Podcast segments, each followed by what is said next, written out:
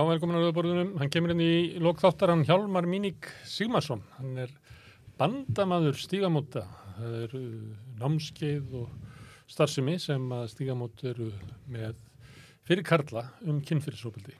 Hann ætlar að segja mér frá því hann, hann Hjálmar.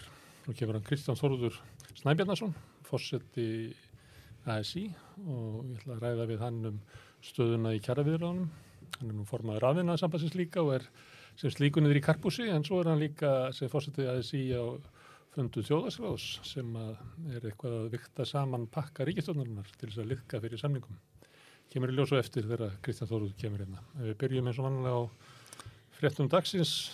Já, Marja já, það er spurning hvað hva, hva sé að frétta samninga viðræðum núna. Kristján svarar því.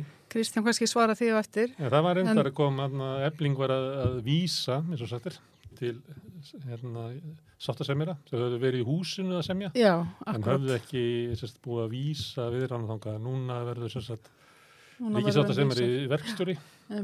Í, en þetta er líka liður í því að ef þú vilt þar í verkvall, að þá verður að byrja á því að vísa til sáttasemjara og vera þar í einhvern tíma, kannski max, Mm. mm. eh, minnsta lagi í viku hmm. og þá lýsur því yfir að viðræðu séu árákuslausar. Þá máttu leita til félagina og fá heimil til þess að fara í verkvall. einmitt. Það er ákveðt að revía þetta upp því þetta var ekki svona kannan það. Nei, Þetta er svona búin að vera svona frá 97. hvernig var þetta í gamla daga? Þá gæti fólk bara að fara í verkvall. Þetta er þess að banna að fara í setuverkvall. Er það bannað? Já, já. Nú, nú, Ég, ég náði því að fara í setuverkvall. Fórum í Já. setuverkvall því að var á NT. já, Hmm. Þá voru við, fengum ekki launin og var svona óvissa og þá var setuverkvall og Býtu, hvað var aftur NT? NT var hérna tíminn, Já, um tíminn. skamman tíma Já, þegar að tíminn var að, þetta var á upp árunum, mann ég ætlaði ekki 85, 86 kannski, eða kannski fyrir 84 og þá uh, breyttum svona lúk á tímanum og hérna NT, já. Þetta poppa hann eitthvað upp. já, maður ráðinn hann að frábæri riðstjórn, Mm. ég kom hann að setna, ég er ekki hlutað þeirri frábæri riðstjórn, ég byrjaði þarna, Mm. það er fyrstu skrifin minn í blaðamennsku, þarna voru margir, margar stórkanonur Mm. og kannski segi ég bara setna frá hérna NT að því að þetta er heila, þetta skemmtilegu tími í Íslands blaðasögu, Já, en þetta endaði illa. Já, kom framsónaflokkurinn tók yfir Kitty Fimboa sem var svona maður sem rettaði öllu fyrir framsónaflokkin kom og tók þetta yfir já, mm. já. Fle- Flest blöð endað illa á Íslandi. Já, það er bara En eins og jú. flugfélögin Það er eins og flugfélögin með þau eins og flugfélögin. það er um flug, flugið að það hefur verið tap á flugið síðan að rætbræður hófuð sig á loft Já, svona að meðaltali þá hefur verið tap á flugið já. Sérst frá En- upp, bara nánast Mm. upphafið daga. en blöð voru reyndar, hérna, það var þetta græða blöðum ef að þú varst sko stæðstablaðið All, allir hinni töpuðu, það var ég einmitt. þannig var staðan svona frá 1950 til 2000 Já, 2010 einmitt. fram að hrunni en ég er að tefja þig með að segja frétti dagsins. Þú ert bara, bara En varandi kjara veiranar, Já, það sem ég heyrði að því að sko Ragnar Þór dreifði þarna sögunina Brynju sem kom hérna í gær. Já, um. Sem að verða að hækka, hérna, ég- þetta er sko, þetta er stort atrið inn í já. Alma er Þessi saga var komin held ég núna á Rúf líka, eða það var viðtalið annað held ég á Rúf eða ví- vísi annarkort. Já, svo var hann Guðmundur Hrafn var í Ríkjavík Já, að því að þetta er svo sláandi. Þetta er hérna kona sem leiði á 250 skall einmitt. og tilkynnt að þessi búið að hækka byrð 325.000. Mm Þetta eru 75.000 krónur. Uh, hún fær útborgað eitthvað um 310, þannig að hún hefur bara uh, lifa á hafragröð halva mánuðin með því að borga 250 sko. Núna á hún að fara að borga 325 og bara getur það ekki. nei, að hún er bara sett á göttuna. Þetta er 30% hækkun. já. Þetta er Sýnir bara ósöfnina Já, og svo hefur verið ætlað til þess að, að hérna, launafólk sætti sig við 9 til 12% hækkun. já, einmitt. Þannig ég held þetta ég ætti að hafa mikið En ég meina það verður, ég held, ég meina það, það verður eitthvað að koma inn í samningarna núna, einhvers konar leigu bremsur eða leigu þög, sko, en það þetta er náttúrulega bara ekki tægt. Já. Og að því þetta er bara, ég meina, við, við munum bara sjá vantarlega þennan bolt að halda áfram að rúla hjá öðrum leigufélögum og, og bara skemmdarverk á kærasamningum Mm. í rauninni. Það er reynda sagt sko að af st- stóru legufélónum þá Mm. er Alma langverst. Mm Heimstaðin eh, skánaði mikið við að normaðurinn giftið, er sagt. mm Bríett sem að var svífirelt félag sem að eh, húsnaðis og mannvirkjastofnur ekkur, -hmm. Eftir gaggrina sem þeir hafa fengið í haust Mhm. að þá hafa þeir eitthvað aðeins reynd að laga til Já. þeir til dæmis uh, töfðu hérna Við settum svona hækkanir vaksta bremsu einhverja á núna. já. Já. Þannig að Alma er svífur þetta félag Mm. og svo er það líka í eigu sko, fólk sem á sko, sko, margfaldir já, og er að nýðast á, á öryrkjum og fátöku fólki. já. Þetta er- Það er bara skuggalegt. En það hefur alltaf verið ljóst, alveg frá upphafi og við tölum um það í sumar og í haust og allt Mm. saman að þessi samningar myndu annars vegar snúast um að bæta fólki í verðbólguna Mm og hins vegar að reyna að leysa vanda tiltekina hópa húsnænsmarkaði. Annars vegar leyenda og hins vegar þeirra sem eru með lána breytilum vöxtum. Einmitt. Mm. Þessi spyr ég Kristján um þetta. eftir. Já, þú eru að spyrja Kristjana þessu. Herðu, svo er það uh, íbúðalansjóður og þau mál. Robert Spano segir að ríki verði bótaskilt. Já. Já, Það, þá virkar ekki triksið hans Bjarnar. nei, Triksið hans var það að hóta því að, að setja íbálanasjóði í þrótt vegna þess að það væri eitthvað sem heitir einföld ríkisábyrð. Já. Þannig að, að það var ekki svona full ábyrð á þessu. mm Robert Spano sem kemur nú úr Európudómstólum, mm -hmm. verða þar í Já. Európu. já, verið tíu ár eða eitthvað meira. Mm -hmm. Hann segir að, að þessi rögg gildi ekki. Þetta geti eigendu brefana sótt allt á ríkisjóð. Einmitt. Fyrir almenning þá er þetta, við sittum uppi með þessa 200 til 400 miljardar. Mm Við erum búin að borga 70. -hmm. Það er bara spurningin, viltu borga þetta sem skattgreðandi á, á tapi ríkisjós og þá hallar ríkisjós og auknum, auknum vakstabyrði Mm -hmm. eða viltu borga þetta með skerðingu lífeyrisréttinda. Einmitt. Mm Mm. En við verðum alltaf ekki að spyrja því. Nei, nei, einmitt. Mm. Við verðum ekki að spyrja því. En við höfum svolítið verið að eh, fjalla um það í, á samstöðinni af hverju þessi skuldi komin. Annars vegar hérna, það sem gerðist 2004 Mm -hmm. þegar að hérna, það voru tekin lán til langstíma inn í þennan sjóð vegna- og það formið á þeim var með þeim hætti sem að erlendir svona brasksjóðir vildu. Þetta er svipað með Salon Íslandsmokka. Já, já. Það eru ykkur erlendir brasksjóðir að því að við höfum að vera í svo fínum klubbi Mm -hmm. að þeir eru spurðir svona hvernig viljið hafa brefin hvernig viljið hafa sko Mhm. tilbóðið í Íslandsbóka, þeir eru bara, viljum hafa látt og viljum græða sem mest Já. og þá segja Íslandika, já, það, það er líklega smartast að gera þannig Mm og svo kaupa þeir brefin og seldu þau svo aftur þetta er- er langstíma en síðan lækkuðu vextur í Íslandi þannig að þeir gátt ekki náðinn peningum eh, í sínum útlanum til þess að eh, borga eða, eða halda í við mm skuldabriðin sem þau fengu.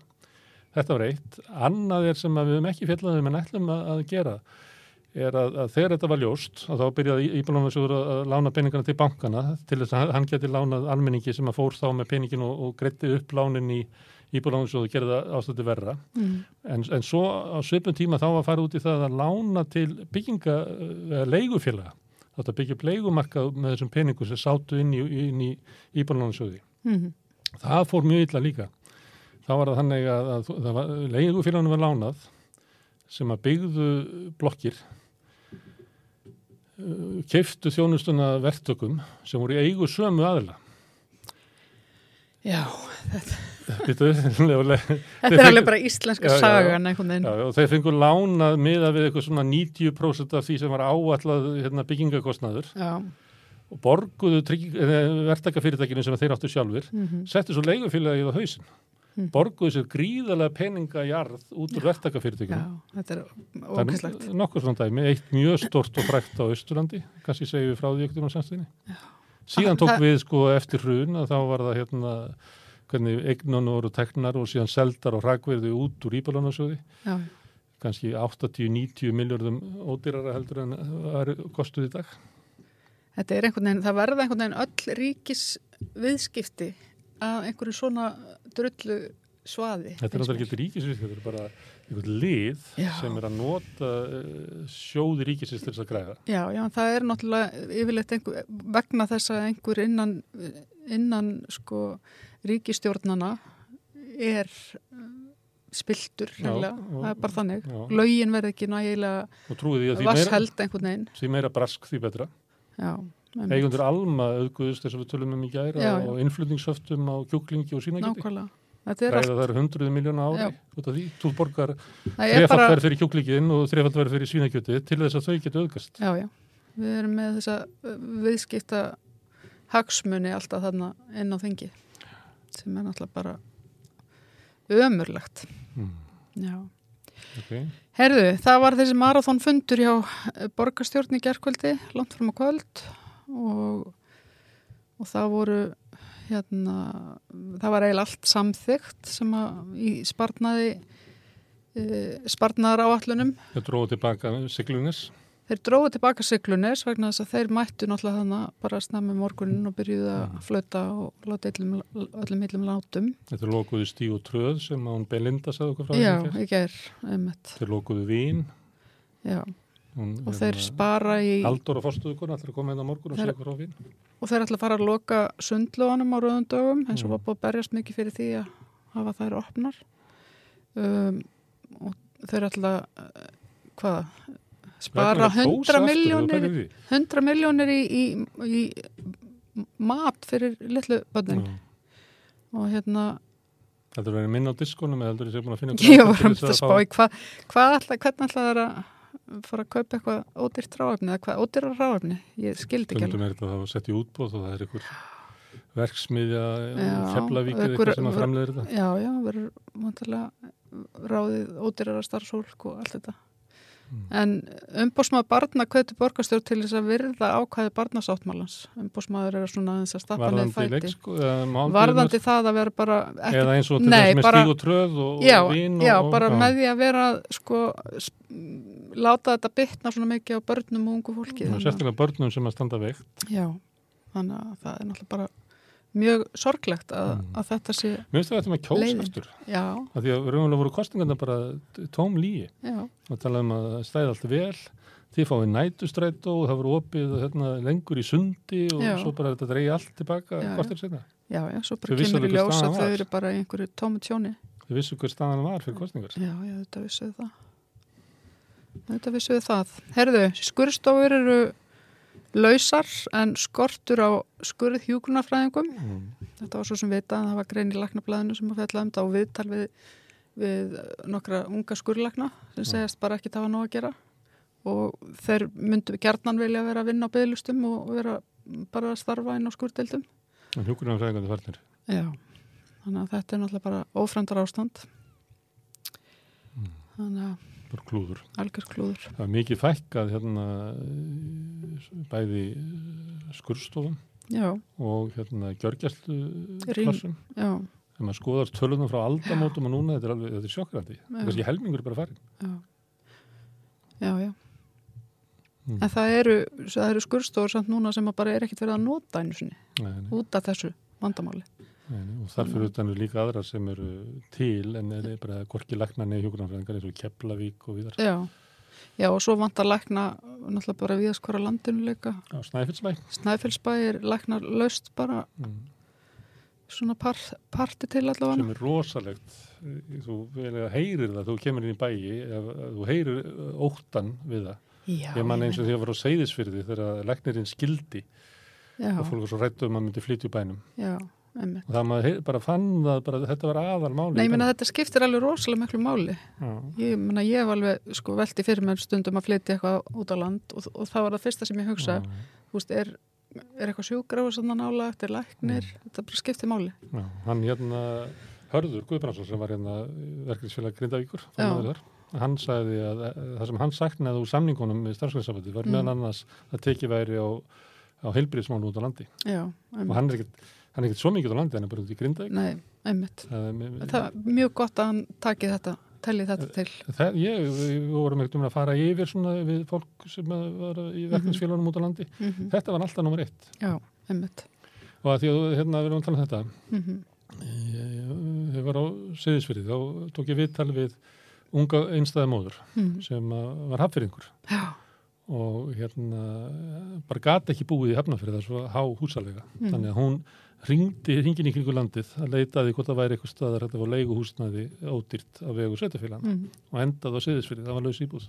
Þannig að hún flutti með börnin sín þangað. -hmm. og hún var að lýsa muninum af því að hún, núna var hún í kaufélaginu Mm. og það, og það var pláss fyrir bæði börnin á leikskólanum Mhm. og hún gæti að lifað á sem lálunarkona mm -hmm. af því að þú veist, það bara, bara helmikið helmiki læri húsalegu þannig að þú veist, hún lifið ekki góðu lífi nei, nei. en hún bara gæti lifa, þetta var eiginlega loksins kom svona friður í, í hérna, hennar líf um. og ég spurði hana hvort myndur vilja búa á Seyðisfyrði mm -hmm. eða Hafnafyrði mm.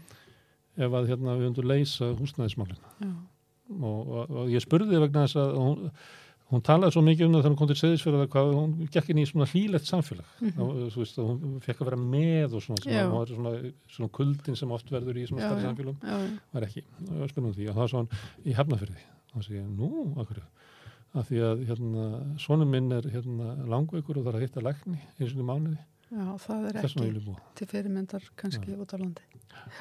Það var ástæðan fyrir það en, en ef þú fengir uh, almenna lækni stjórnast á Seðisfjörði, ég vil búa þar Já, já Einmitt. þannig að þú veist læknistjónust út á landi, þetta er svo mm -hmm. gríðarlega stort mál Já.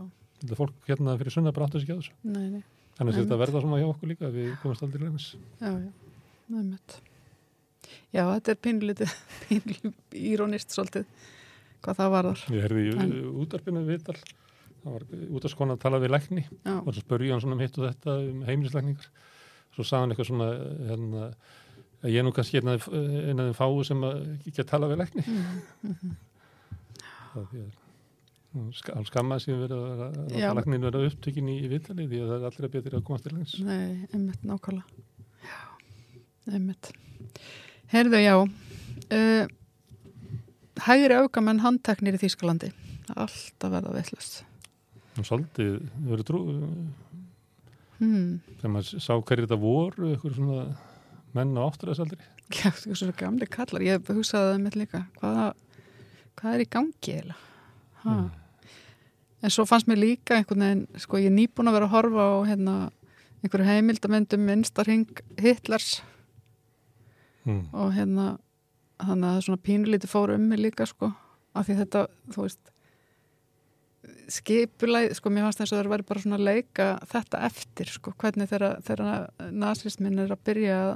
Þá voru þeir náttúrulega komnið með sko 30% hérna, atkvæða og, og þriðjungin af þingæmi þegar það kvektu í þýkusunum. Já, en þeir byrja fyrr sko að reyna að gera byltingu sko, löngu áður, þá voru þeir ekki komnið, þeir voru ekki komnið á þing sko. 24 í, í hérna þeir eru, já, nei, þeir, þeir eru, þeir eru, já, inn í munn mm. þeir eru raunin að ráðast hann inn í hvað, eitthvað björkjallaranna, hvað sem að hétti á lörglunni og, og hérna slepp henni svo óvart út og eitthvað svona og fara heim og er eitthvað rosa halda þeir sér bara búin að taka yfir borgina.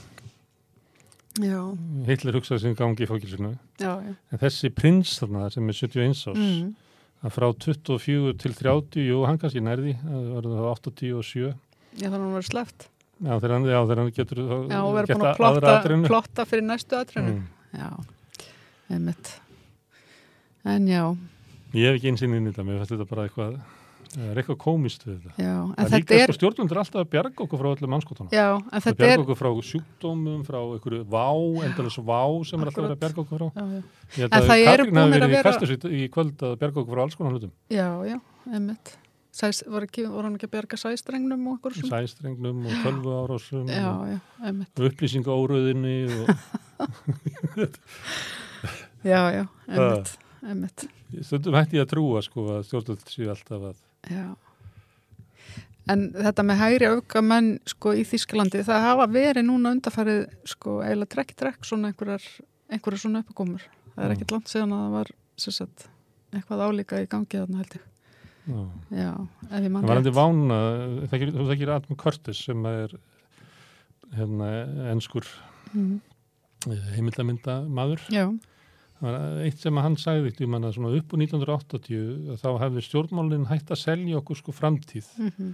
og að það væri eitthvað betra sem þau getur búið upp á í framtíðinni. Mm -hmm. en fór að selja okkur það þau getur varið okkur kakvat ykkur í vá. Já, já, og síðan hefur þessi bara vá verið bara í ymsu formi en, en bara leið og ein hættir eins og mm -hmm. þegar COVID fer. Þá kemur bara Putin þá eru bara verið okkur Putin þú veist Putin er náttúrulega ekki góðu maður, ég er bara enga trú að þessi að fara að klippa eitthvað á, á sæstringa hér eða, eða, eða reyna að hafa áhrif á kostningarnar í, í, á bíldudal, ég bara Nefnt. ég kannski er á bláður Já, Já, þeir áttu nú þarna öfgahægra mennir í Þískalandi hafa verið kominir í kontakt við rúsa. Já, það er, það Einhver- er þannig. Það er einhver kona allavega, einhver ein kona þannig sem Já. að var handtekinn held ég. Rúsnesk kona. En já. Þetta er spurning, það er spurning. Hvað er, hvað er til í þessu? Ég spáði þetta að verði gamanmyndaserja innan þryggjára. Já. Þessi Þessi tilrönd til valdaráns í í Þýsland. Þískalandi, Já. það er spurning. Hinrik, hvað var hann ekki, 14. eða hvað var það? 13. 13. 13. Hinrik 13. 13. Henrik 13. Prins af, af Gutsen. Já, já, einmitt. Þetta er svona. Þetta er meira.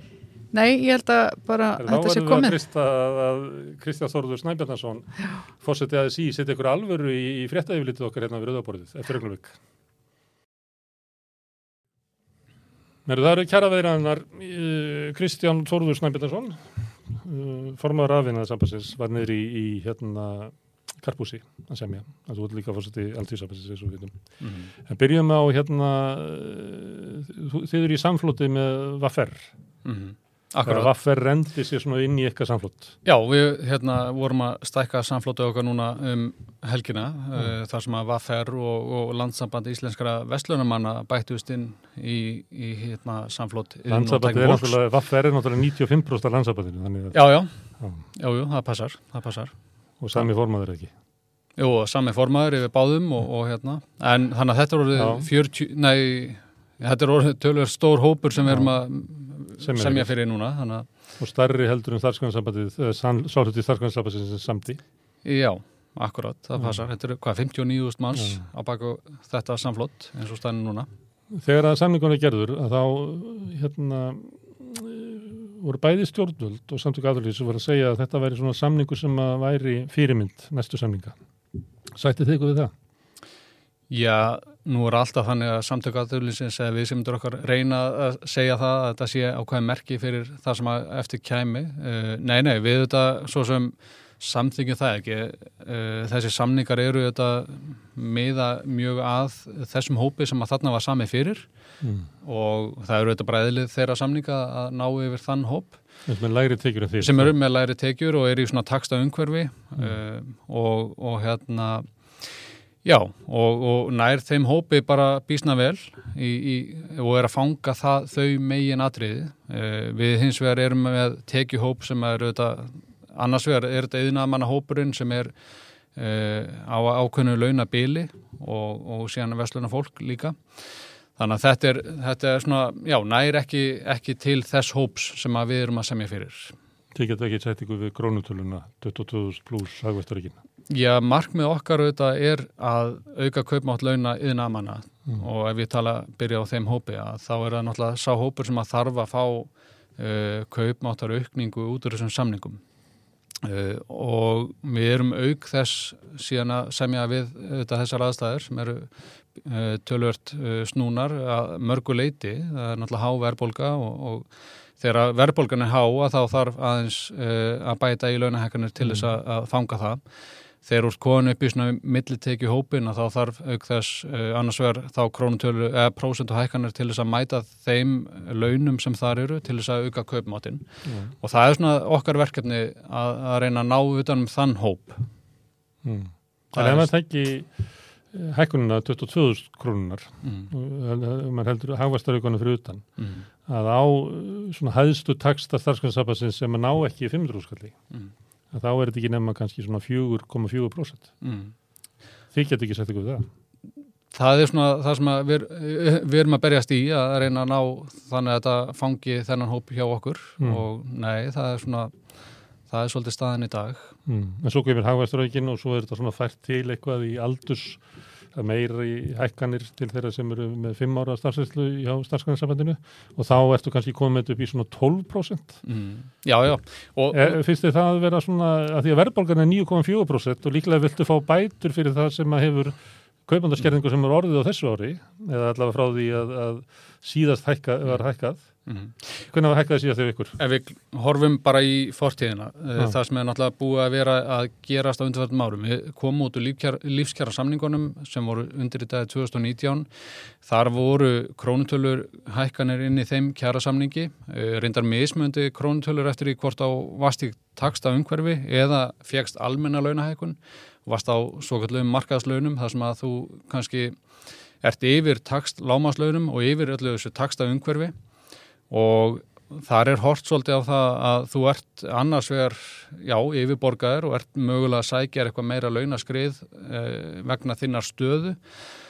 Eh, þeir sem að voru í, og eru í taksta umhverfi að þeir voru að sækja sér meiri launahækkanir í lífskjæri samningunum heldur en þeir sem voru yfir taksta, um, í taksta umhverfinu.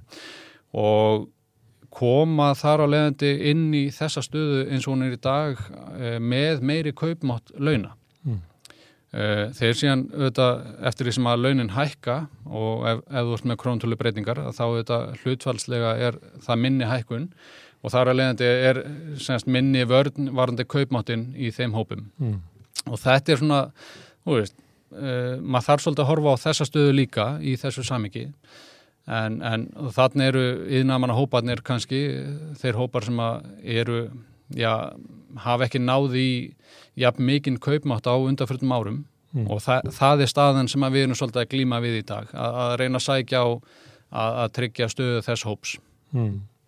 En ef maður eh, kannski fer bara til síðastlið vors að þá kannski hefur verðbólgan klipið kannski 4% af laununum mm og ef við trúum hérna spánni sem mann likur á bakvið fjárlögin mm -hmm. þá er spáð 5,6% verðbólgu næsta ári mm -hmm. og samningurin var til loka januar þannig að raunverulega er eiginlega bara eh, ekki hægt að semja minna en svona 10% því að þú sem eru minna en 10% þá er þetta að semja um sko kauplækun mm. og í sjálfsveitsir verður líka þetta efast um 5,6% á næsta ári. Því að, að það byggði á því að við verum komið niður í sko 7,5% núna en við erum í 9,3% þannig við erum að fara miklu herra inn í árið. Já, þetta veldur, þetta veldur rosalega mikið á því hvað gerist. Mm. og ég menna ef við horfum á þetta, hvað ríkið er að gera, hvað fyrirtækinu er að gera ef að allir ætla sér að velta hækkunum út í verðlægið bara eins og ef við horfum á fjárlögi núna e, það er verið að leggja til hækkun á ýmsum liðum um hvað 7,7% Áfengi, bensín, bara unit Já, já, já. nákvæmlega. E, Sveitafélögin Sveitafélögin er að segja líka e, fastegna skattar er að hækka verulega Leigufélagin, við erum náttúrulega ekki dæma 30% hækkun hérna. Já, akkurat, akkurat. Og ef að þetta er það sem að raungirist, þá þetta er vandamáli alltaf að stækka. Um, það sem ég held að skipti gríðarlega miklu máli er þetta að horfa í hvernig getur við komið um, í veg fyrir að þetta raungirist. Að, að gjaldskrár hækki með þessum hætti, við náum tökum á verðbólgunni að það eru auðvitað verkefni sem að ég held að sé eitthvað sem að muni skipta gríðarlega miklu máli fyrir okkar fólk. Hvernig er þetta að gera það?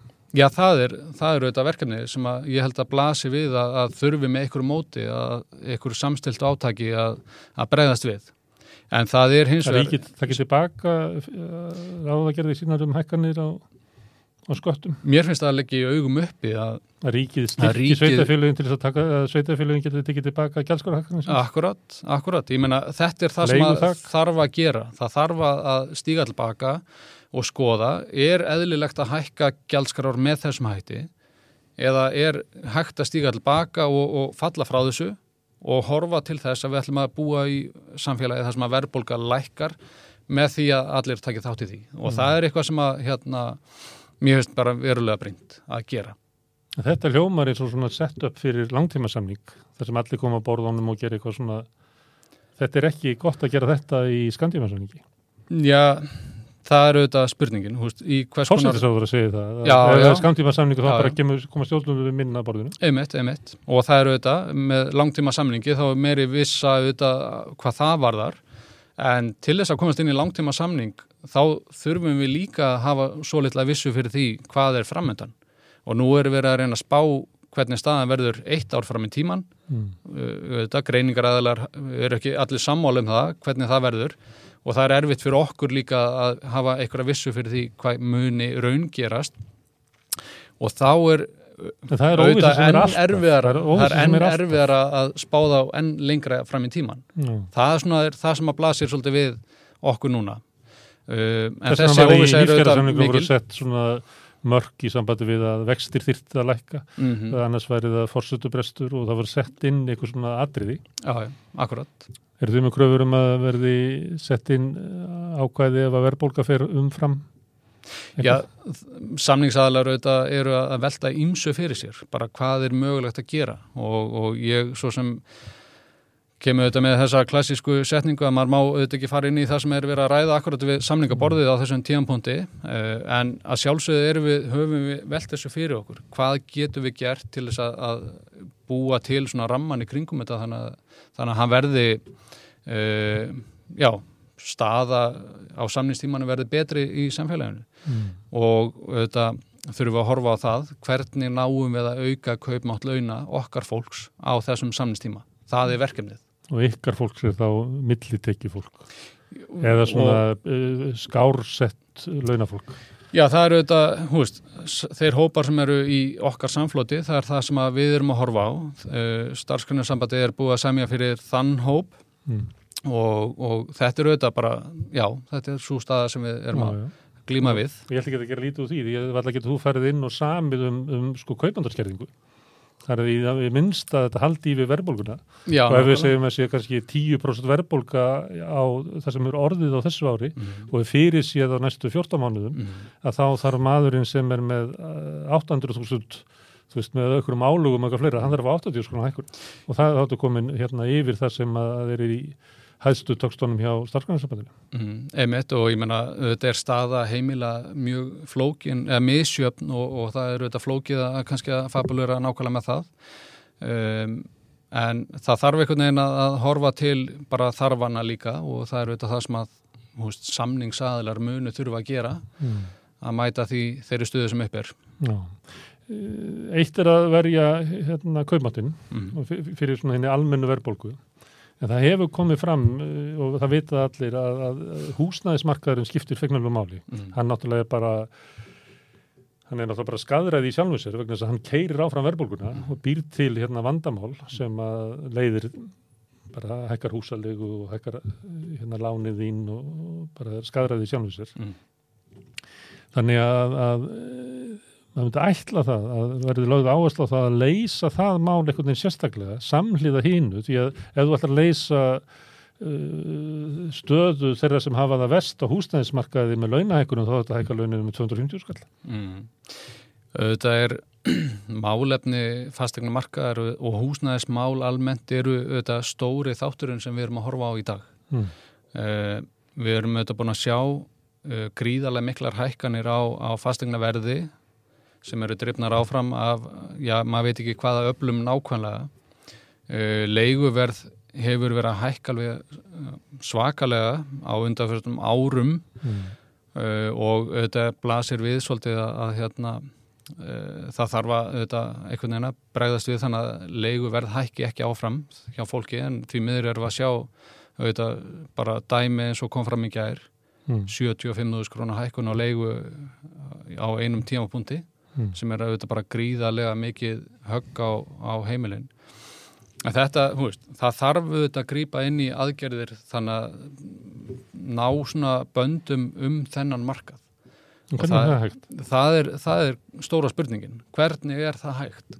Hvaða öflur það á bakvið þetta sem að auðvitað drífa uh, þessi atrið áfram?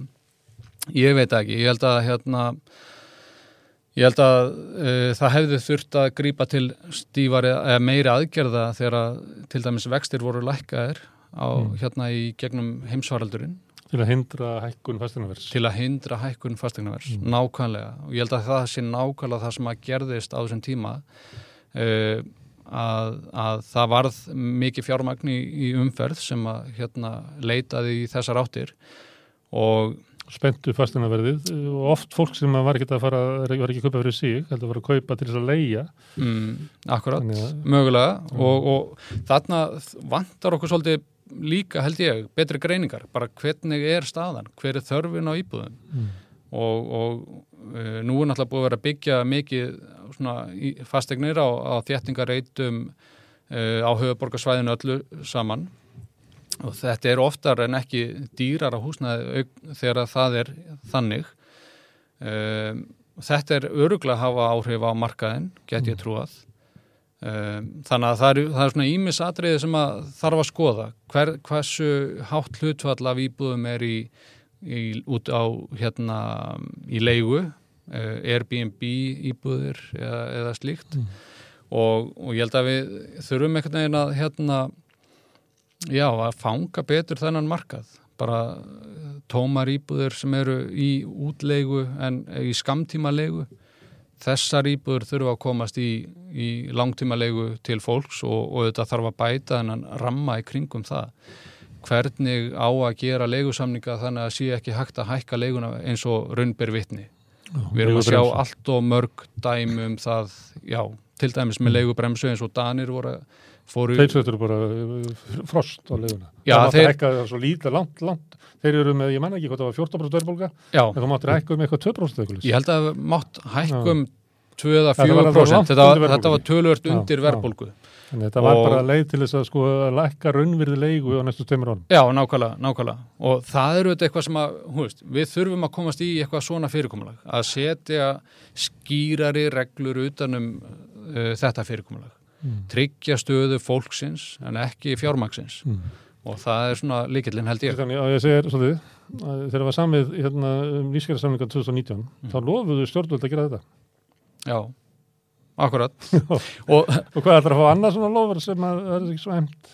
Já, ég held að það sé erfitt að, að endur vinna lofvorðin, ég held að hérna, það verði ekki en, en auðvitað þurfa stjórnvöld að stíga inn og, og hérna, bæta auðvitað þennan ramma veist, eins og að lofa síðast varandi vexti og verðtryggingu sem betur fer þá komst, komist við í það ástand uh, á samnýstímanum núna að vextir lækkuðu verulega og fólk fór úr verðtriðum lánum mm. til dæmis yfir í óverðtrið lán sem að ég tel að hafi verið mikið heitlaspor fyrir samfélagið en núna erum við auðvitað í þeirri aðstöðu að stýrivextur hafa hækkað gríðarlega mikið og fólk er því meður að neyðast til þess að fara úr óvertriðum lánum yfir í hinn vertriðu aftur. Mm. Það er þetta að sjá það, það er bara mikil strömmur. Já, já, og það mun aukast ef ekkert verður gert fram á við.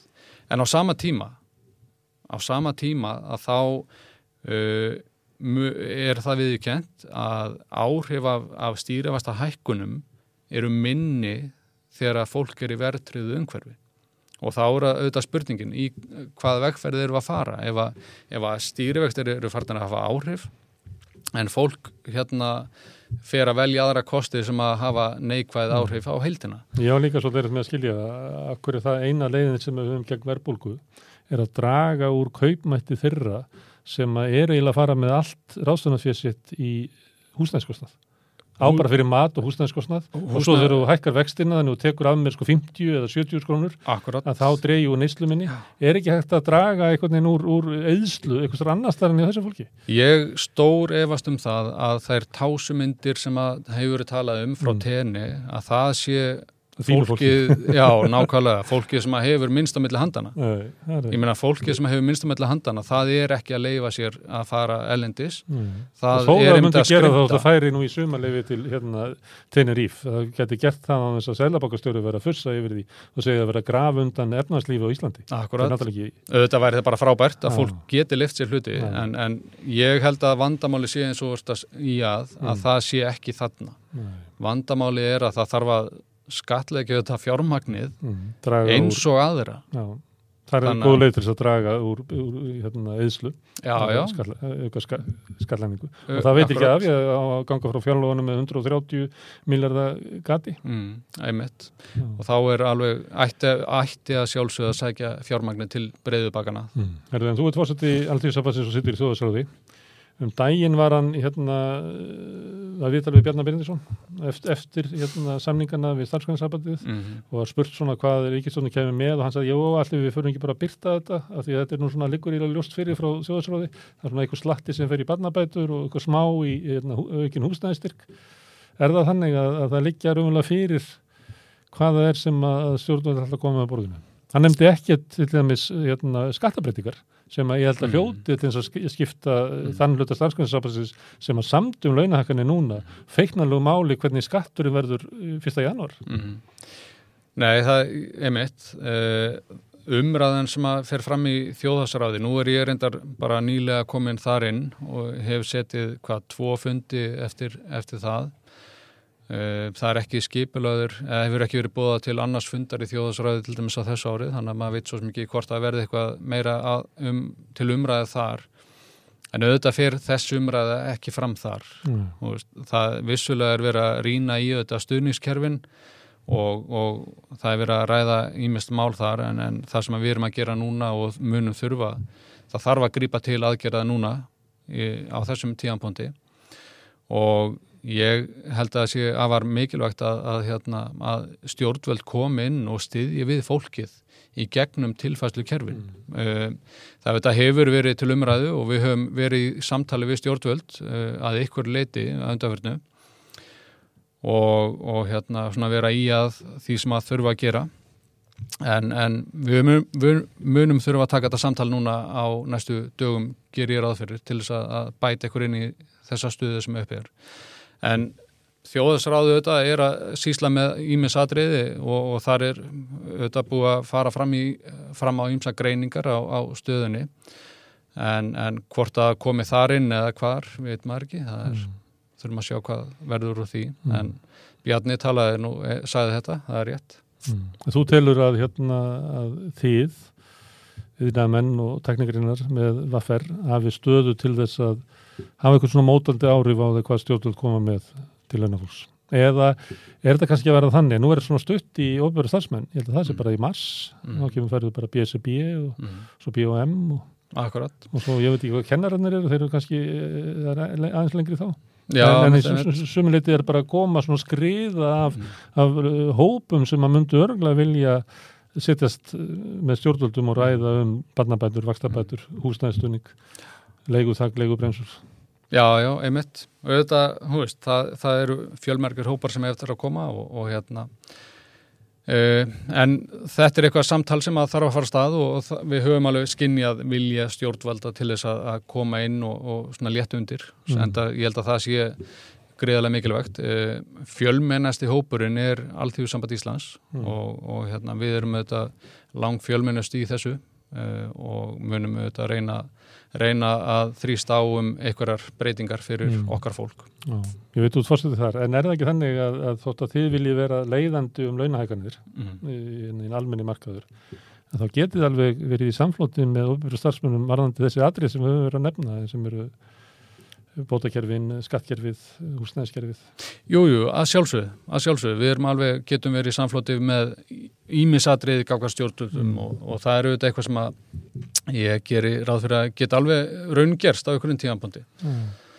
Herðu, verður uh, því segið að það kemur í ljós bara á allra næstu tugum hvort það verður samið um stöttarsamning því að það verður að gerast til þess að náði fyrir jól. Akkurat. Þú varst nýri í Karpúsi í allan dag. Komaði var... ljós hvort að þetta er líklegt að þetta klárist á morgunin hinn? Um, það er svo sem þetta ljósu þetta, það spurning hvernig það kemur. Uh, við erum ennþá í samtali og það er þetta, það sem er jákvægt í þessu. Uh, Hefur þetta þokast eitthvað? Við segjum til þess frá því að, að hérna miðja síðustu viku.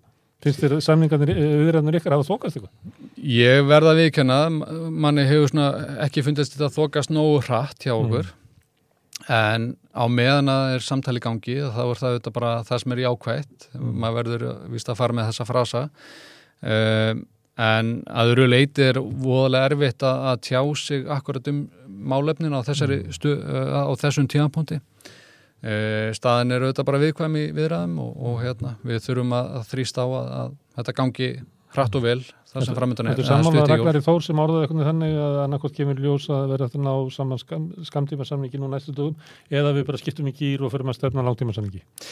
Já, ég er samála, ef við ætlum að vera að ræða skamtíma samning mm. uh, að þá þarf uh, samningur að liggja fyrir mjög fljótt. Já. og það, það er auðvitað bara þetta verða skammar viðræður fyrir skamtíma samning að því að tíminu auðvitað bara flýgur og, og hérna fólk þarf að fá launahækanir sem allra fyrst, mm. það er bara staðan. Og ef það er langtímasamningur að þá verður meira lagt undir. Já. Yfirleitt er það þannig að, að í langtíma samningum að þá er svona verið að ræða fleiri atriði og, og auðvitað aukast líka flækjustígin að Mm. þú ert að semja til lengri tíma, það er meiri, jafnvel meiri óvisa fram á við, þú veist, uh, hvað verður í kortunum eftir eitt ár eða tvö ár og þú ert að svona reyna að sjá það fyrir. Eru að- kostinir jafngóðir eða myndur þú vilja annað frekar en hitt? Ég myndi telja að, auðvitað, að það eru tækifæri í báðum kostum. Það eru auðvitað þannig og, og hérna ég tel að það séu mikil sóknafæri eins og staðin er í dag bæði fyrir því að fara í langtíma samning sem og skamtíma. Þannig að þetta er auðvitað eitthvað sem að þarf að vega um þetta en, en ef það er hægt að klára skamtíma samning á stuttum tíma að þá held ég að það, það sé það sem að komi fólki betur. Sóknanfærið það því það að þið telli ykkur geta náð ykkur miklu út úr fyrirtækjaegundum og stjórnundum. Já, sóknarfæri þýðir að það er bara, þú getur náð uh, auknum ávinningi fyrir fólkið. Af því að uh, fyrirtæki standa vel. Já, ég, það, er, það er bara nákvæmlega staðan. Ég held að fyrirtækin standi bara bísna vel yfirleitt, eða það allan að fréttir af því blasa við á hverjum einasta degi að staðan sé góð Mm. og það er auðvitað það sem að er þá sóknarfæri í. En óvissa er hins vegar það sem vel, eh, kemur á móti, þannig að ef við farum í lengri samning það þyrti væntalega eitthvað stífari strik eða eitthvað, Mm. eitthvað viðmið til að horfa í. eins og menn svo sem kunna gera. Það hefur búið vera að gera samningar fram í tíman og alltaf, all, framtíðin er alltaf óviss. Já, já, við höfum kunnum ímsa leiðir í þessum efnum, það er nokkuð ljóst. Viðstrik. Herðu, Kristján Þorður, takk að þið verið að koma hingað og, og hérna, gefa okkur yfirleitt yfir stöðuna í kjaraverðan. Herjá, bara takk hjá fyrir mig. Herðu, núna ætlum við að uh, vinda hvæð okkar svolítið í kross og tala um bandamenn stígamóta eftir augnablik. Já, herðu, þá var það komið að kynfyrsofbeldi sem við nú oft fjallað um hérna við rauðaborðið. En það er þannig að yfirleitt erum við að tala þá við konur, oft um reynsluður en, en líka náttúrulega fólk sem, konur sem hafa þekkingu á þessu. En núna er ég þenga komið kall, Hjálmar Sigmarsson. Já.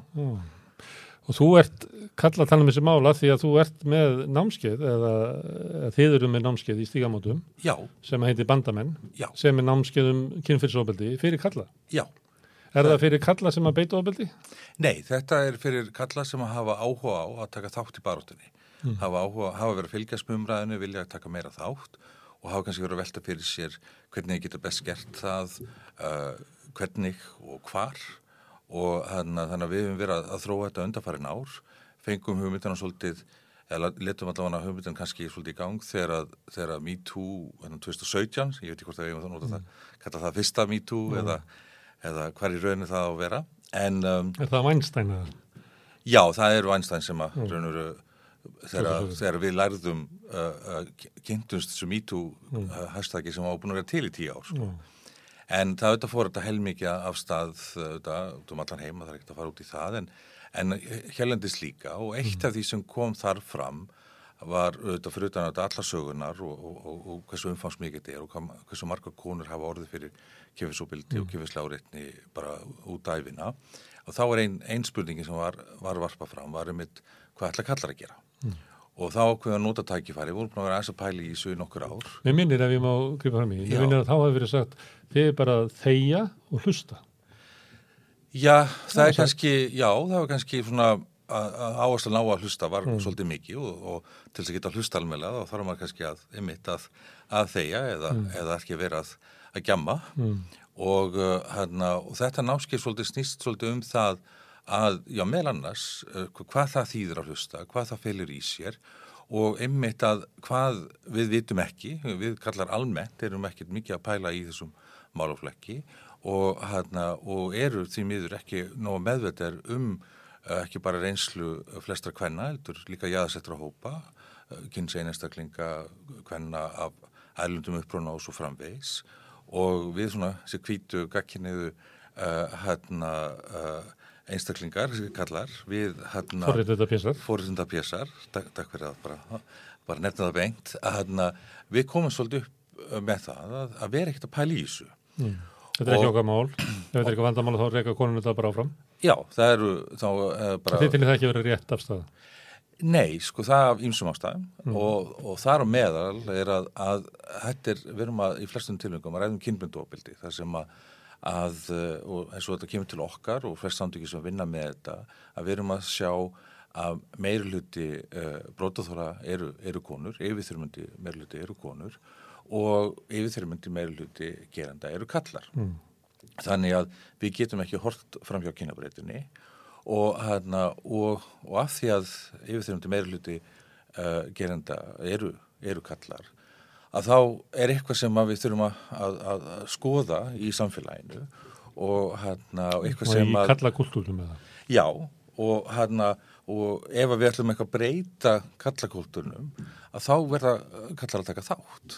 Uh, mm. Við getum ekki bara svona látið þetta bara einhvern veginn svona, uh, látið bara feministra sjá um þetta eða er eftir að setja, við þurfum bara að taka þátt í þessu. Er þetta námskið fyrir þá sem vilja taka þátt? Já. Eða er þetta námskið fyrir kalla sem eru óryggir í þessar umröðu? Já. Já, fyrir óryggir með sjálfa sig, hvernig þeir hefða þessir? Það er náttúrulega þegar hérna, gerendur koma fram. Já. Þú kannast við það að segja, hérna áttar því að fóru yfir ykkur mörg, þannig að það hafi ekkert vita hver mörgin voru áður. Já. Ætlaði að kenna fólki hver mörgin eru? Ég, það er hlut af þessu, Já. að við erum auðvist að hérna raunir að búa til vettfang fyrir uh, kalla sem hafa áhuga að pæla í þessu og mm. það getur verið bara mjög fjölbreytt eins, eins og þú nefnir, alveg frá mm. því að þeir eru svolítið svona pæla, jú, jættvel í sér og, og, og, og pæla í sér er stór hlut af þessu, af því að mm. það er ekki bara það sem horfið fram hjá, heldur þú bara kannski jættvel tekið sem sjálfsæðan hlut, ert kannski með alls konar rangkvömyndir um ekki bara kynferðsóbildi, heldur mörg og kynlíf mm. og, og telur bara alls konar hluti bara að vera, vera í lægi og ert ekki að sjá uh, hérna uh, starra samhengið mm. og ekki að sjá hvaða afleggingar þetta hefur á ekki bara konar, heldur umt fólk, við erum að sjá bara hvernig hérna að það að við erum að horfa fram hjá klámenningunni og hvaða áhrif þau eru að hafa á ungmenni mm. og, hérna, og við erum kannski að normalisera eða horfa fram hjá alls konar hlutin sem verður að hafa mjög alvarlega áhrif mm. sem við sjáum hérna í okkar vinnu með brótuþólum á stíðamótum, þá bæði konum og köllum að, og kynsegin einstaklingum sem leita til okkar. Og við erum að reyna einmitt að miðla þá þekkingu uh, og finna ný, alltaf, við erum alltaf að finna nýja leiðir, við, við fórum, settum á stað með tjúk ást átakið fyrir ykkurum árum síðan og það var einn leið til þess að nýta okkar þekkingu. Og, hérna, og bandamenni hefur verið svona leið til þess að hvernig getum við miðlað okkar þekkingu til tilkalla sem að eru ekki að, að taka kannski einsvirkan þátt og sérstaklega hjálpa þeim sem vilja uh, gera meira, vilja taka þessa umræðu og þá taka þessa umræðu með öðrum köllum. Mm. Við erum ekki endilega að reyna að búið til fleiri hóp af köllum sem að síðan mæta á, á, á, á rástættun og fundi þessum konur eru meirulda og þeir fara að lesa yfir konunum. Við erum ekki að tala um það, mm. við erum að tala um að fá það fleiri köllum. Það er ekki alveg sér hútum. Til hútskýringar? Nei, við höfum nóga þeim. Óskum eftir hútum til hútskýringar? Nei, já, við, höfum nóga þeim. Við, eh, við þurfum ekki meira þeim, við þurfum ekki að ölsetta þeim, þeir byrtast nú yfirleitt sjálfur. Að, en ymmit að, að það séu uh, fleiri kallar að tala um þessa hluti saman og gera það á, á máta sem að ymmit er upplýstur af reynslubrótuþóla að hlusta á fagfólk sem er búin að vera að vinna í þessum málflokki árum saman, hlusta á aktivista, hlusta á feminista, hlusta á þá sem að eru að reyna að breyta þessum umræður, reyna að breyta samfélaginu mm. og reyna að skapa brótaþóla væna menningu og við lítum að það, það sé líka hlutverk kalla. Mm. En þá er verkefni líklega að breyta eitthvað sem er hægt að kalla karla menning? Já, það Eða er... Eða hvað? Já, það er þetta hlut af því. Það er, við, okkur finnst svona hjálplegt að tala um karlmennskur, af því að það sem gerir svolítið... Er margar karlmennskur? Já. Eins og landsbyðurnar, það ætti að vera einn landsbyður, er margar landsbyður. Það er bara landsbyðir. Já. Já, sko því að, sko þegar við erum ofta að reyna að, að tala, benda á að, að, að við þurfum eitthvað að skoða hvað er í gangi, uh, hana, uh, hvað er það sem að gera það verkum að kallar og ungir menn fá því skilubóða ímislegt sé leifilegt eða þessi ætla hann ekki verið að spyrna mótið í sem að er að, að, að hérna, veita skada, er að, að leiða uh, er að meiða fólk er, er að leiða til óbyldis mm. bara vaði yfir fólk já, vaði yfir fólk, fara mm. yfir mörg fólks mm. verði ekki mörg fólks verði ekki reynslu fólks verði ekki áföll fólks, gera lítur áföllum fólks að hérna að að ein leið til þess að, að, að, að skoða það og það er hluti af þessu, þess tölum við meila annars að þetta sé námskeið um kynbundu ofbildi, að það er þetta að skoða kerfið uh, og, og hérna, þar sem að einmitt ákveðnar kallmennsku hugmyndir og hugmyndir um hvernig og svo frá því spessa inn í, þannig að við tölum um kynjakerfið, að feðraveldið mm. sem að verður oft vola svona heit umræða um það, mm. feðraveldi hvað er það og við reynum þetta svolítið að útskýra akkur við þurfum að, að, að horfa á þetta kerfisbundið. Þetta getum ekki bara talað um einstaklingar sem er að bróta á öðrum einstaklingi, bara einhverju kallar sem er að bróta á einhverjum konum. Mm. Það er bara eitt ílnefni eða skrimsli sem að brýta á sér, þetta gerir það í einhverju samingi.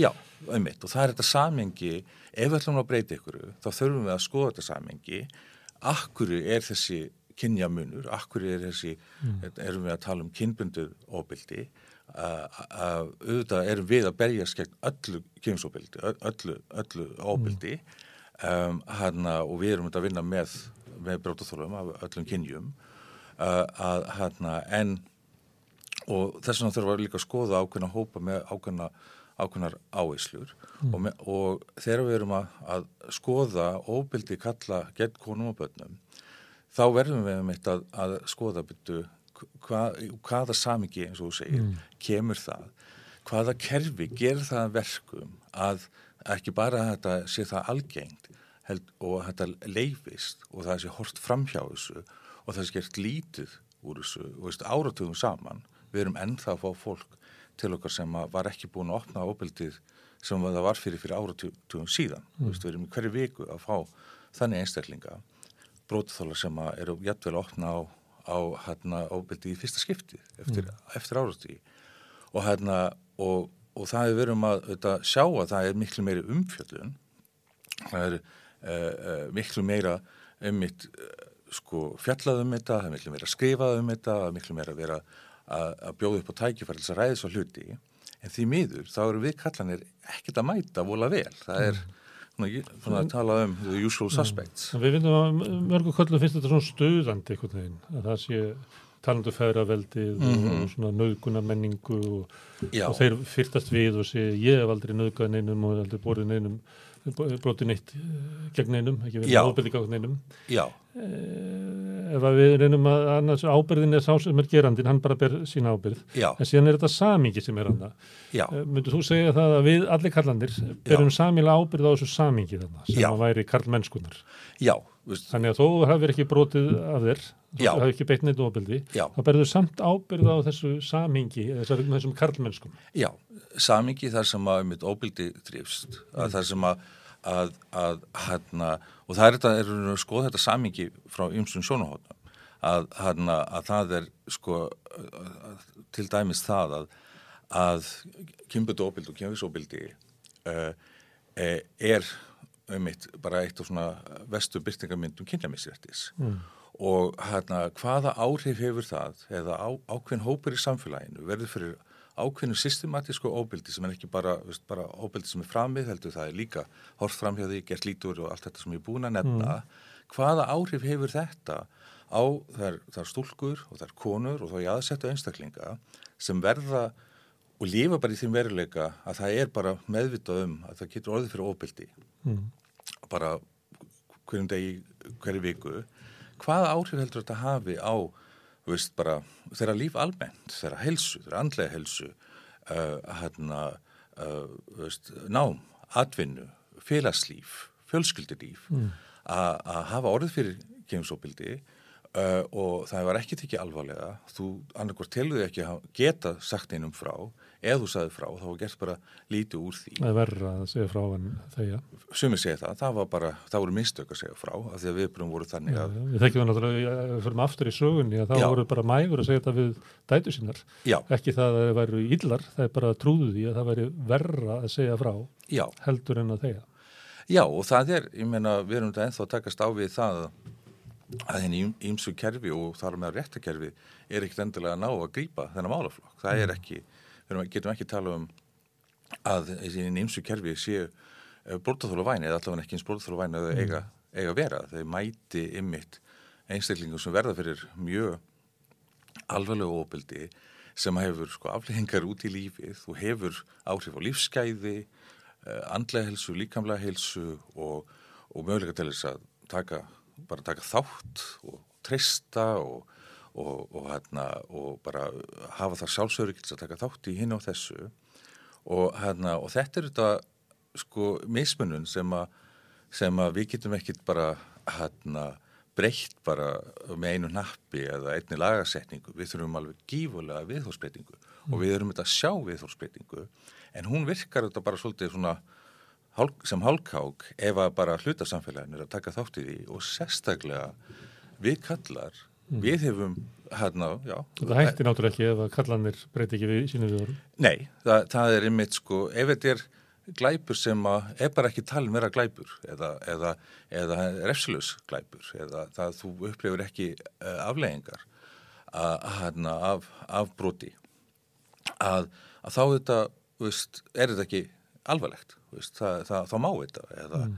eða þú kemst upp með þetta og við uh, hérna, breytum þessu ekki nema að við kallar förum að tala um þetta bara að öllum okkar hotum á mm. þeim vinnustöðum, kaffistofum vinahópum ég meina hversu oft eru kallar til að bara að tala um nöðganir og samtekki og mörg og allt, allt það svo luti ég mm. er, er, hef ekki gert könnun en við því miður grunar að allt og fáir gera það meðan að mitt, ef við myndum skoða bara hins svona meðal hóp kvenna eða vinkvenna eða, eða, eða stelpu vinnahóp það er nú bara mikla líkur á því að, að kemursobildi í einhverju mynd hefur, hefur komið, komið til umræðu. Já, og það er oft bara mikil þekking sem er okkur hulun, það er bara er þekkingin í kvennahópum bara um tiltegna kalla og hlera. Já.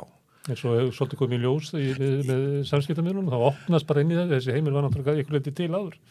Já, það er, ég meina, umræðan hefur þetta kannski snúið svolítið mikið um fræga eða þekta mm. eða áhrifamenn en við þurfum þetta að, að líka hugsa um það er bara hluti af, af mm. myndinni að það er hérna hellingur á óþektum önnum, jú, áhrifamiklum eða hafa einhver völdi sínu samhengi að við þurfum að, að ekki bara einmitt að hafa áhuga á þessu þegar að, að kemur í ljósi að það er einhver mm. orðrumur að vera ásaka eitthvað frægan, sko, við þurfum mm. að svolítið að gera þetta meira heildrænt og það að einmitt að brótaþólar upplifi að það séu hlustunarskilir fyrir alla, það séu ekki einmitt að það þarf ekki einhvern veginn að, að passa inn í e, umræðin og valda, valda jöfnuna. En þegar við unnum með kollum áður, þótt að bandamenn séu svona for, vera að forma það, eða hvað? Er þetta til bara... Já, við erum búin að vera aðeins fjór ár. Já, að. Já. Þá ætla ég að spyrja þig, sko, hvaða kallar koma til þín og til ykkar? Á, á þetta námskeið... E, kom ekki kannski, vantar þið ekki ná til kallana sem, að, þeir kom ekki til þín sem þú myndir helst ná í? Ég reyndar, hefum við svolítið verið að leggja áherslu á þá sem vilja taka þátt í þessu, vilja læra meira, mm. vilja skilja betur, vilja fá aðeins meiri insýn. Uh, Sumir er að taka sín fyrstu skref í þessum mm. pælingum, aðrir eru búin að vera pæli í þessu lengur og ég ætti búin að taka þátt í kannski ykkur um aktivisma og, hérna, og, og þetta snýst svolítið um uh, þetta námskeiði að fara þá leið að reyna að ebla þá til þess að séu fleiri sem geta síðan tekið umræðina uh, við það kalla sem að telja þessu umræðu ekki komið einn við mm. og það getur þýtt alls konar, allt frá því að bara mikið landuði eða bara svona neða, þetta, mm. þetta, þetta bara kemur alls ekkit við mm. og einmitt að, að á frá fyrstun áskæðunum að sko 2018 þá voru bara, bara strax uh, nokkri þar sem segja já, heyrðu, mér vantar bara verkfæri til þess að tala um þessa hluti við kalla sem ég vinn með mm. kalla í mínu, mínu umhverfi mm, í vinnuskórunum bara í vinnuskórunum, það voru, voru menn sem voru verkstjórar mm. og pizzusendlar alls svolítið, ég vil tala um svo hluti en ég veit ekki alveg hvernig ég á að gera það og okkur langar að ebla þá, stækka þann hóp og það, við lítum á þetta svolítið sem svona langtíma plan, af því við vitum það er enga töfurlausnir mm. uh, hérna, þetta er, er svona Þú verður að flytja uh, fjall með teskið Já, þetta er, þetta er svolítið svona bara slóli bara sjöli, sko, ég, ef ég má sletta eins Og er árangur að þessu finnst þér?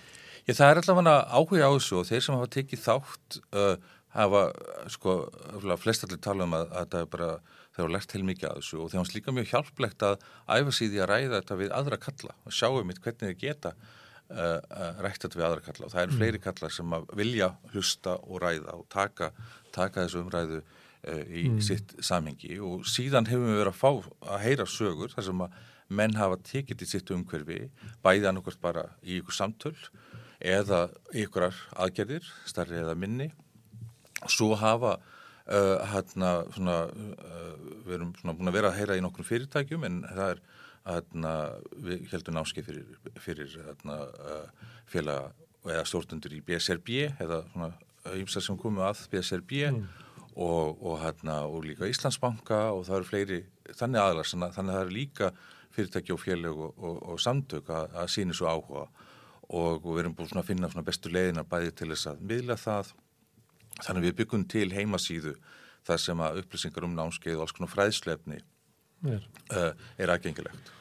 Þú, hérna, menn koma námskeiðin og svo fara menn hérna að tala í vinnuskólunum eða í sínum hópi. Já. á leðin á völlin mm -hmm. eða í biljart sem að taka um svona kallaði aðtannir hvað er það sem að, að, að hvað þröskuld er, er fólk að fara yfir eða kallar að fara yfir? Hvað er erfitt, akkur er kallar erfiðleikum með að tala um þetta?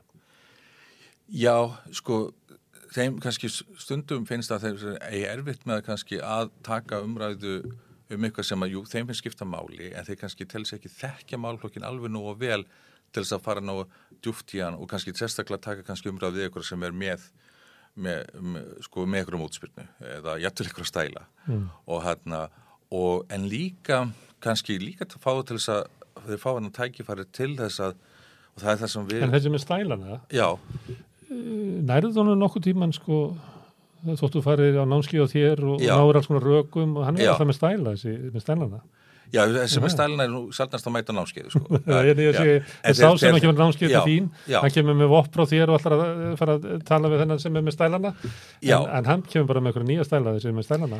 Já, en sá með stælana getur verið alls konar, það getur verið sko ymsar ástæði fyrir því. Mm. uh, ég, ég bjóð hérna óvart til einhvern flokk sko en, en, en, en það getur verið allt frá, jú, bara algjör anduð á þessum álflokki mm. í eitthvað óryggi og, og hérna og, og þá einmitt sko dræðum við og við þeir deila líka þáttekundurinn á, á námskeiðinu hvað þeir hafa prófað og hvað hefur virkað fyrir þá og, og við reynum að líka taka smá svona einmitt höfaflæðis uh, uh, og höfum líka prófað smá svona hlutverka æfingar mm. að hérna og, og þá er mitt kemur sko feedbacki oft frá þáttangáðunum mm. það, það getur verið mjög, mjög uppbyggilegt og svo bendum við líka á að það þetta snýst ekki alltaf um að sannfara einhvern í einu samtali að, að, að við sem erum búin að vera lengur í þessu við lítum frekar á að vera um að sá fræjum mm. og hérna og fá það kannski til þess að, að að hugsa hlutana aðeins örfisi mm. og kannski fyrstulega bregðast svolítið örfisi við veist, uh, að það fari ekki bara strax í vörd þegar eitthvað segir uh, kallar mm. og feminismi og, og kemfyrsopildi í sömu setningu mm.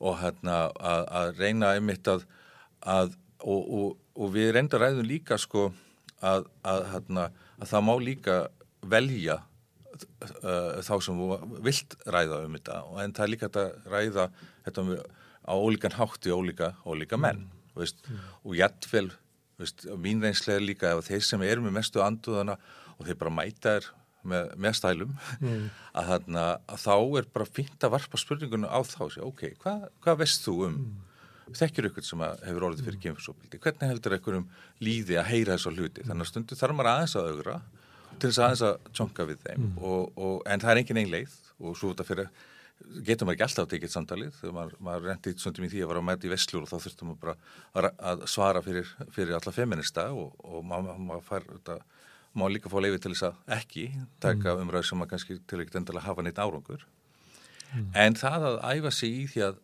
að ræða svo hluti um, uh, og ræða þetta við aðra kalla og ég til bara svona kannski varpa bara fram spurningu og segja byrju, akkur segir að, að, að þetta sé bara ígjur, veist að að konur sé bara íkja að þetta sé svona, svona, svona algengt. Hefur þið kynntir tölnar, mm. hefur þið skoðað uh, skýrslur frá kvennatkarfunu og stigamótum og, og öðrum samtökum sem að vinna í þessu á Íslandi. Mm. Og það er eitt held ég það sem að slær uh, margar þáttengarnar á þessu námski er að fyrstulega, það er rúmlega 10.000 brótaþólar sem hafa nýtt sér þjónustu bara á stigamótum. Og það, við lítum að það þetta, svo, þetta sem rosalegt akkeri að geta miðla þeirri þekkingu mm. og ég byrja þetta náttúrulega alltaf á því og segja ok, þetta, svona vinnum við með brottþólum, þetta er ástæðan fyrir við gerum það, þetta eru tölunur okkar þetta eru byrtingamindir á óbildinu, þetta eru afleðingarnar mm.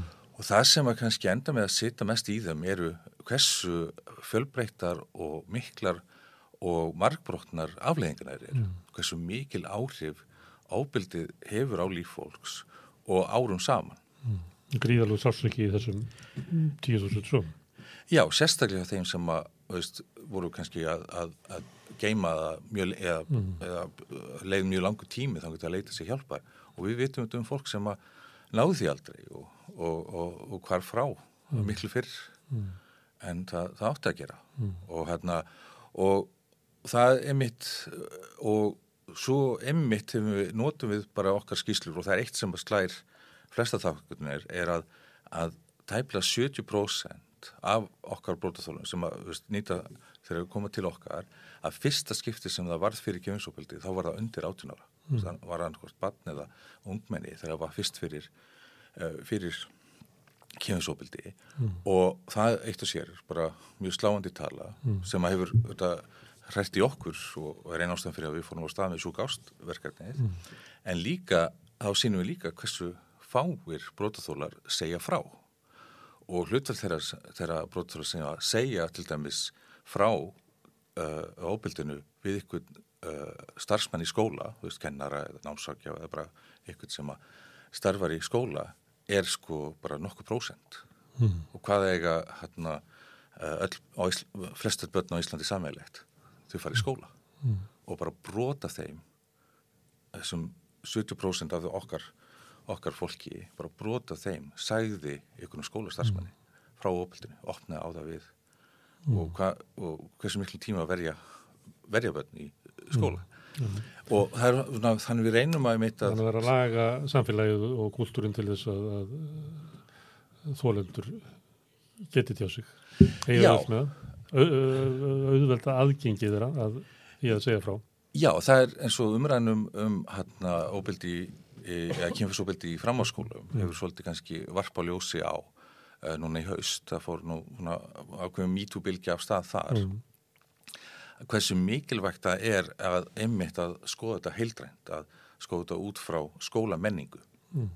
Ekki bara, veist, brótatalið þarf að tilkynna og þá getum við fara að skoða það hvort við getum gert eitthvað heldur einmitt hvaða skilabóð fær brótaþóli og það er bara gefið að í öllum framhanskónum landsins eru brótaþóla kemsóbildis mm. og, og útverð því getum við álíkt að það í flestum þá framhanskónum landsins eru þá líka gerendur mm. uh, en óvað því hvort það sé sami brótaþóli og brótaþóla gerendi saman mál séu saman í skóla, óháð því þá skiptir það bara rosalega miklu máli hvaða skilabóð brótaþólinn fæð þegar að mætur í skólan að sé einmitt skilningur fyrir því að þú verður orðið fyrir miklu áfalli að þú þurfir eitthvað skona stuðnið, eitthvað skona aðstóð ekki talandum ef að gerindin er í skólunum eða umræðum óbildi kemur upp sem að, að tryggarar hefur, hefur, hefur alveg áhrif. Og hérna en ef að skólinn býður bara eftir að einhver nefandi kynir þá þetta hefur uh, nefandin engan tilfinningu fyrir því hvernig er menningin hér, hvernig verður mér tekið mm. ef það er engin skilabóð, ef það er bara þögg þá getur lega ykkur segir eitthvað. Uh, við lítum á það að, að eins, eins og með bara skóla að samfélagið við berum ábyrð á því að brótaþóla kynfisopildis upplifið það að það eigi rétt á því að leita sér hjálpar þegar það verður fyrir kynfisopildi.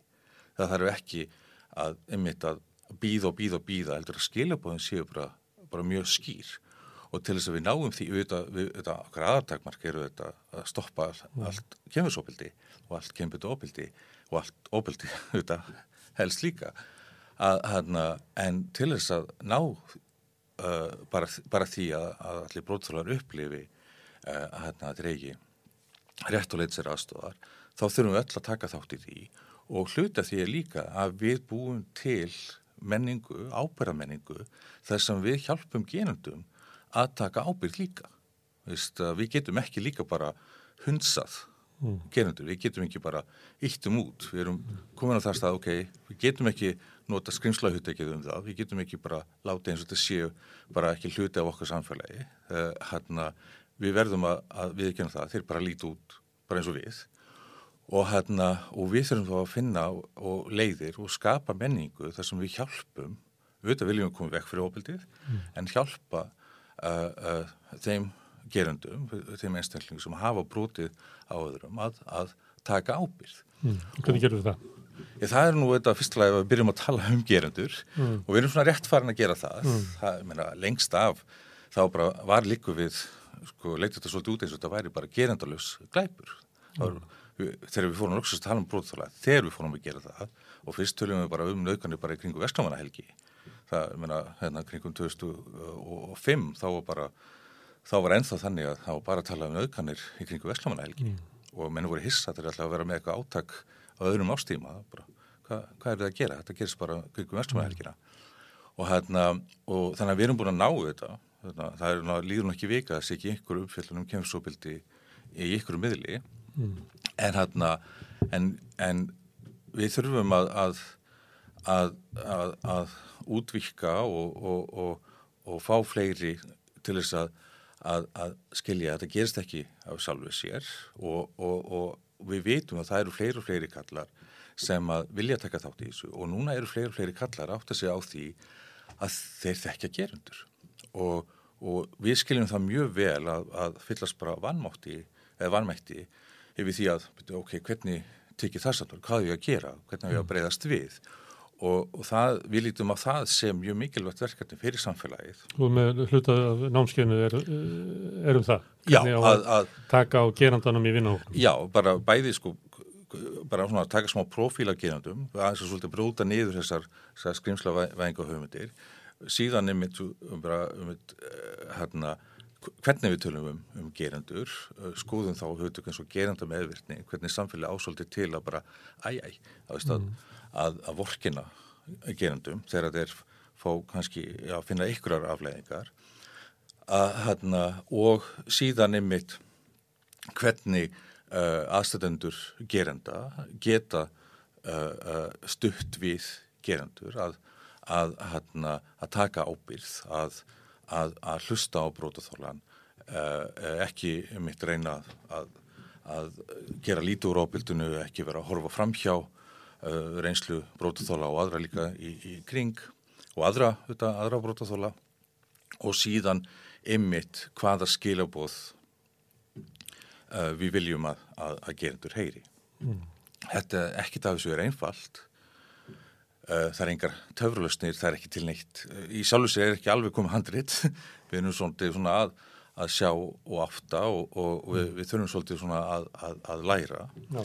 En hérna en við vitum að, að það eru til dæmi veist, við, við, svona kannski grassrótarhefingar í Norður-Ameríku uh, hafa kannski verið svolítið svona, verið, ekki bara í Norður-Ameríku, svona grassrótarhefingar út um allan heim, hafa kannski verið framsæknarast í því að reyna að finna svona kannski útgáður af restorative justice uh, uh, uppbyggilegri réttvísi, transformative justice er kannski hugtakið, að við viljum ekki bara láta eitthvað taka ábyrg til líka viljum breyta samfélaginu og, og sjá til þess að við komandi brítur ekki af sér aftur og svo framvegs og, hérna, og það er svona uh, meiri kannski fann að vera meiri umræðum það að, að, að við hefum svolítið kannski að, að ekki sleppa réttakerfinu en ekki láta réttakerfið dominera þessu umræðu. Mm að því umræðan hefur svolítið verið, já, ég meina, hann er nú saglus en það búið að sanna segt og svo framvegis. Við fæltum niður kæru og ákjærðu ekki. Já, það leikur ekki fyrir ákjæra, þá mm. getur þetta ekki að verið, verið brot eða verið alvarlegt. Mm. Já, þannig að ekki það er svo reynfald, en ég held að því meira sem við tölum um og pælum í þessu... Er eitthvað að þessu ætlar að leysa á, á námskeiðinu með bandamannum? Já, ég vil ekki, við viljum ekki vera það hrókafulla við, við séum með sannleikan við viljum allavega nota tækverð til þess að miðla okkar þekkingu Nei. og við lítum að það sem okkar ábyrð líka með því að vinna með brótaþólum er að miðla á þekkingu sem að, sem að kemur úr þeirri vinnu sem mm. kemur frá þeim og, og, og, og úr þeirri vinnu brótaþóla sem að vinna um saman. brótaþóla, Er þetta námskeið þannig að ef þú er, er gerandi þann úti? Já. Uh, Er þetta námskeið fyrir hann eitthvað sem að vil vinna með það? Það er, það er ekki beint Þetta er að koma til þín svona bara prívat?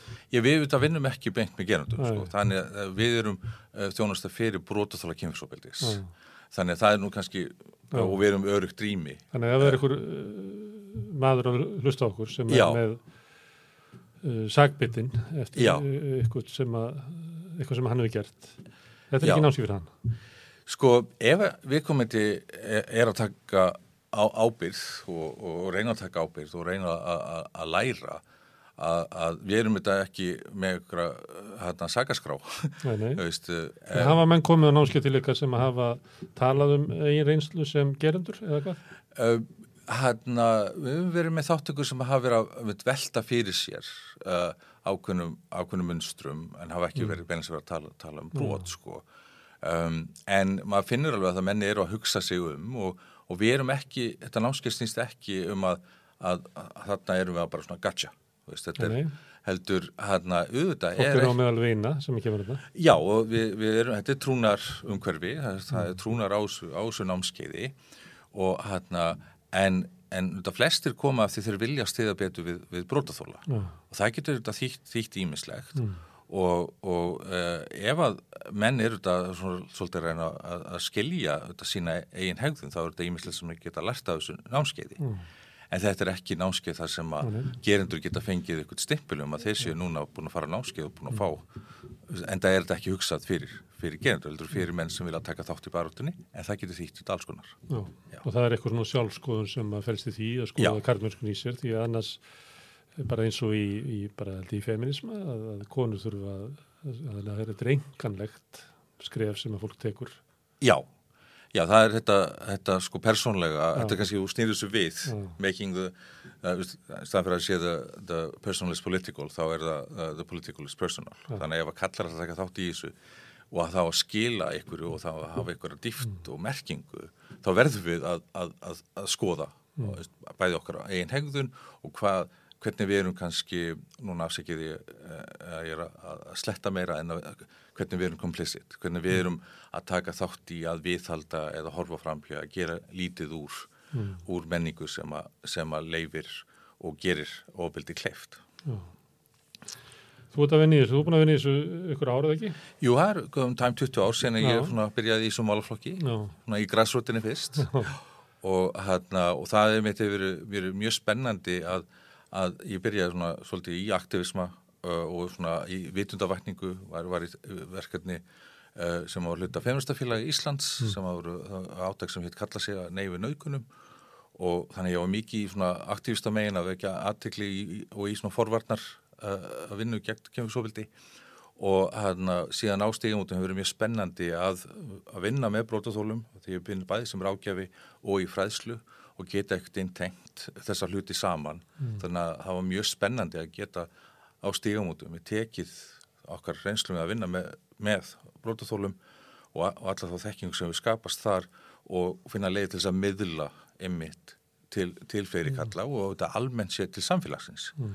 Það tekið þá það sögur sem að blótaþólar hafa og komið þeim einhvern veginn fram. Já, svona, svona almennt, alls konar almenn þekking sem að skapast við það, það eru tæplega þúsund einstaklingar sem nýta sér þjónustuna á hverju ári og þar eru, eru tæmlega 500 að koma uh, í fyrsta skipti til okkar og, hana, og þannig að við erum þetta ekki að segja ákveðnarsögur en við erum svona mhm. að taka saman fróðleik og, og, og notum allt frá því að sína töflur úr, úr áskýrslunni í því að, að, að komum svona dæmi um byrtingamindir, dæmi mhm. um hvernig afleggingarnar geta haft uh, mjög fjölbreytt áhrif og mjög lúmska áhrif á lífhóls og, hana, og hvað áhrif þetta hefur síðan á einstaklingin, á smásamfélagið og samfélagið mm. í starra samhengi. Mm. Þetta er mikil akademija. Já, við erum að púsla saman reynslu á okkur að vinna með, með brótaþólum, kenjafræði, fimmerskum aktivista og svona kannski þessum að eitt ástalsku fræðumæður sem heitir, um, eða núna bara alveg stólu um eitthvað hvað hann heitir, en það er með nokkra uppáhalds ástalska feminista og að einnig mitt sem, sem að tala um það að við þurfum eiginlega í þessari vinnu að að vera með raunir svona kennslu aðferð, kennslu nálgun sem byggist á óþægindum. Að, að við þurfum að kenna í gegnum óþægindin. Þetta er óþægilegt, þetta er erfitt. Við getum ekki sóðið saman einhvern pakka fyrir kalla sem er þægilegur, af því þá erum við búin að skera alls konar hluti sem skipta máli og grundvallarmáli uh, að þetta er óþægilegt, þetta verður óþægilegt og eng, enga breytingar eru, eru þægilegar. Og ef við viljum og núna eru kannski fleiri náttúrs á því að þeir þekkja brótaþólaðir og jættvel eru brótaþólaðir sjálfur þetta, uh, hérna, svona kringum 12-13% af okkar uh, hérna, fólki sem leitur til okkar eru kallgeins og hérna og, og eða, eða bara mjög nánir ykkur sem hafa orðið fyrir alveglegum áföllum og, og finna það að, að þeir geta tekið þátt í að breyta því ekki þá í náum samskiptum, í náum umhverfinu og sumir í þeirri stuða geta breytt ykkur í samfélaginu í starra samingi. Mm. Hjálmar, takk fyrir að koma og spjallaðu okkur um bandamenn. Ég er ekki að fræðast um þetta á stígamótum og bandamenn.is? Jú, það er stígamót.is og bandamenn.is. Það er allar upplýsingar þar. Það er ekki hægt að glema því. Nei. Takk fyrir að koma. E, við ætluðum að tala við hann e, Guðmund Auðunsson um verkvöld í Brellandi en klukkan er orðið svona margt að, að við sleppum því og tökum það fyrir á morgun. Klukkan átta rauðaborðið á morgun á fymtudegi þá verður fjallan verkvöld í Brellandi og verkvöld á Íslandi og ímyndlegt annað. Ég þakka gæstubur í kennlega fyrir að hafa komið hingað og spjalla við okkur og ykkur fyrir að hlusta og segja góða nótt.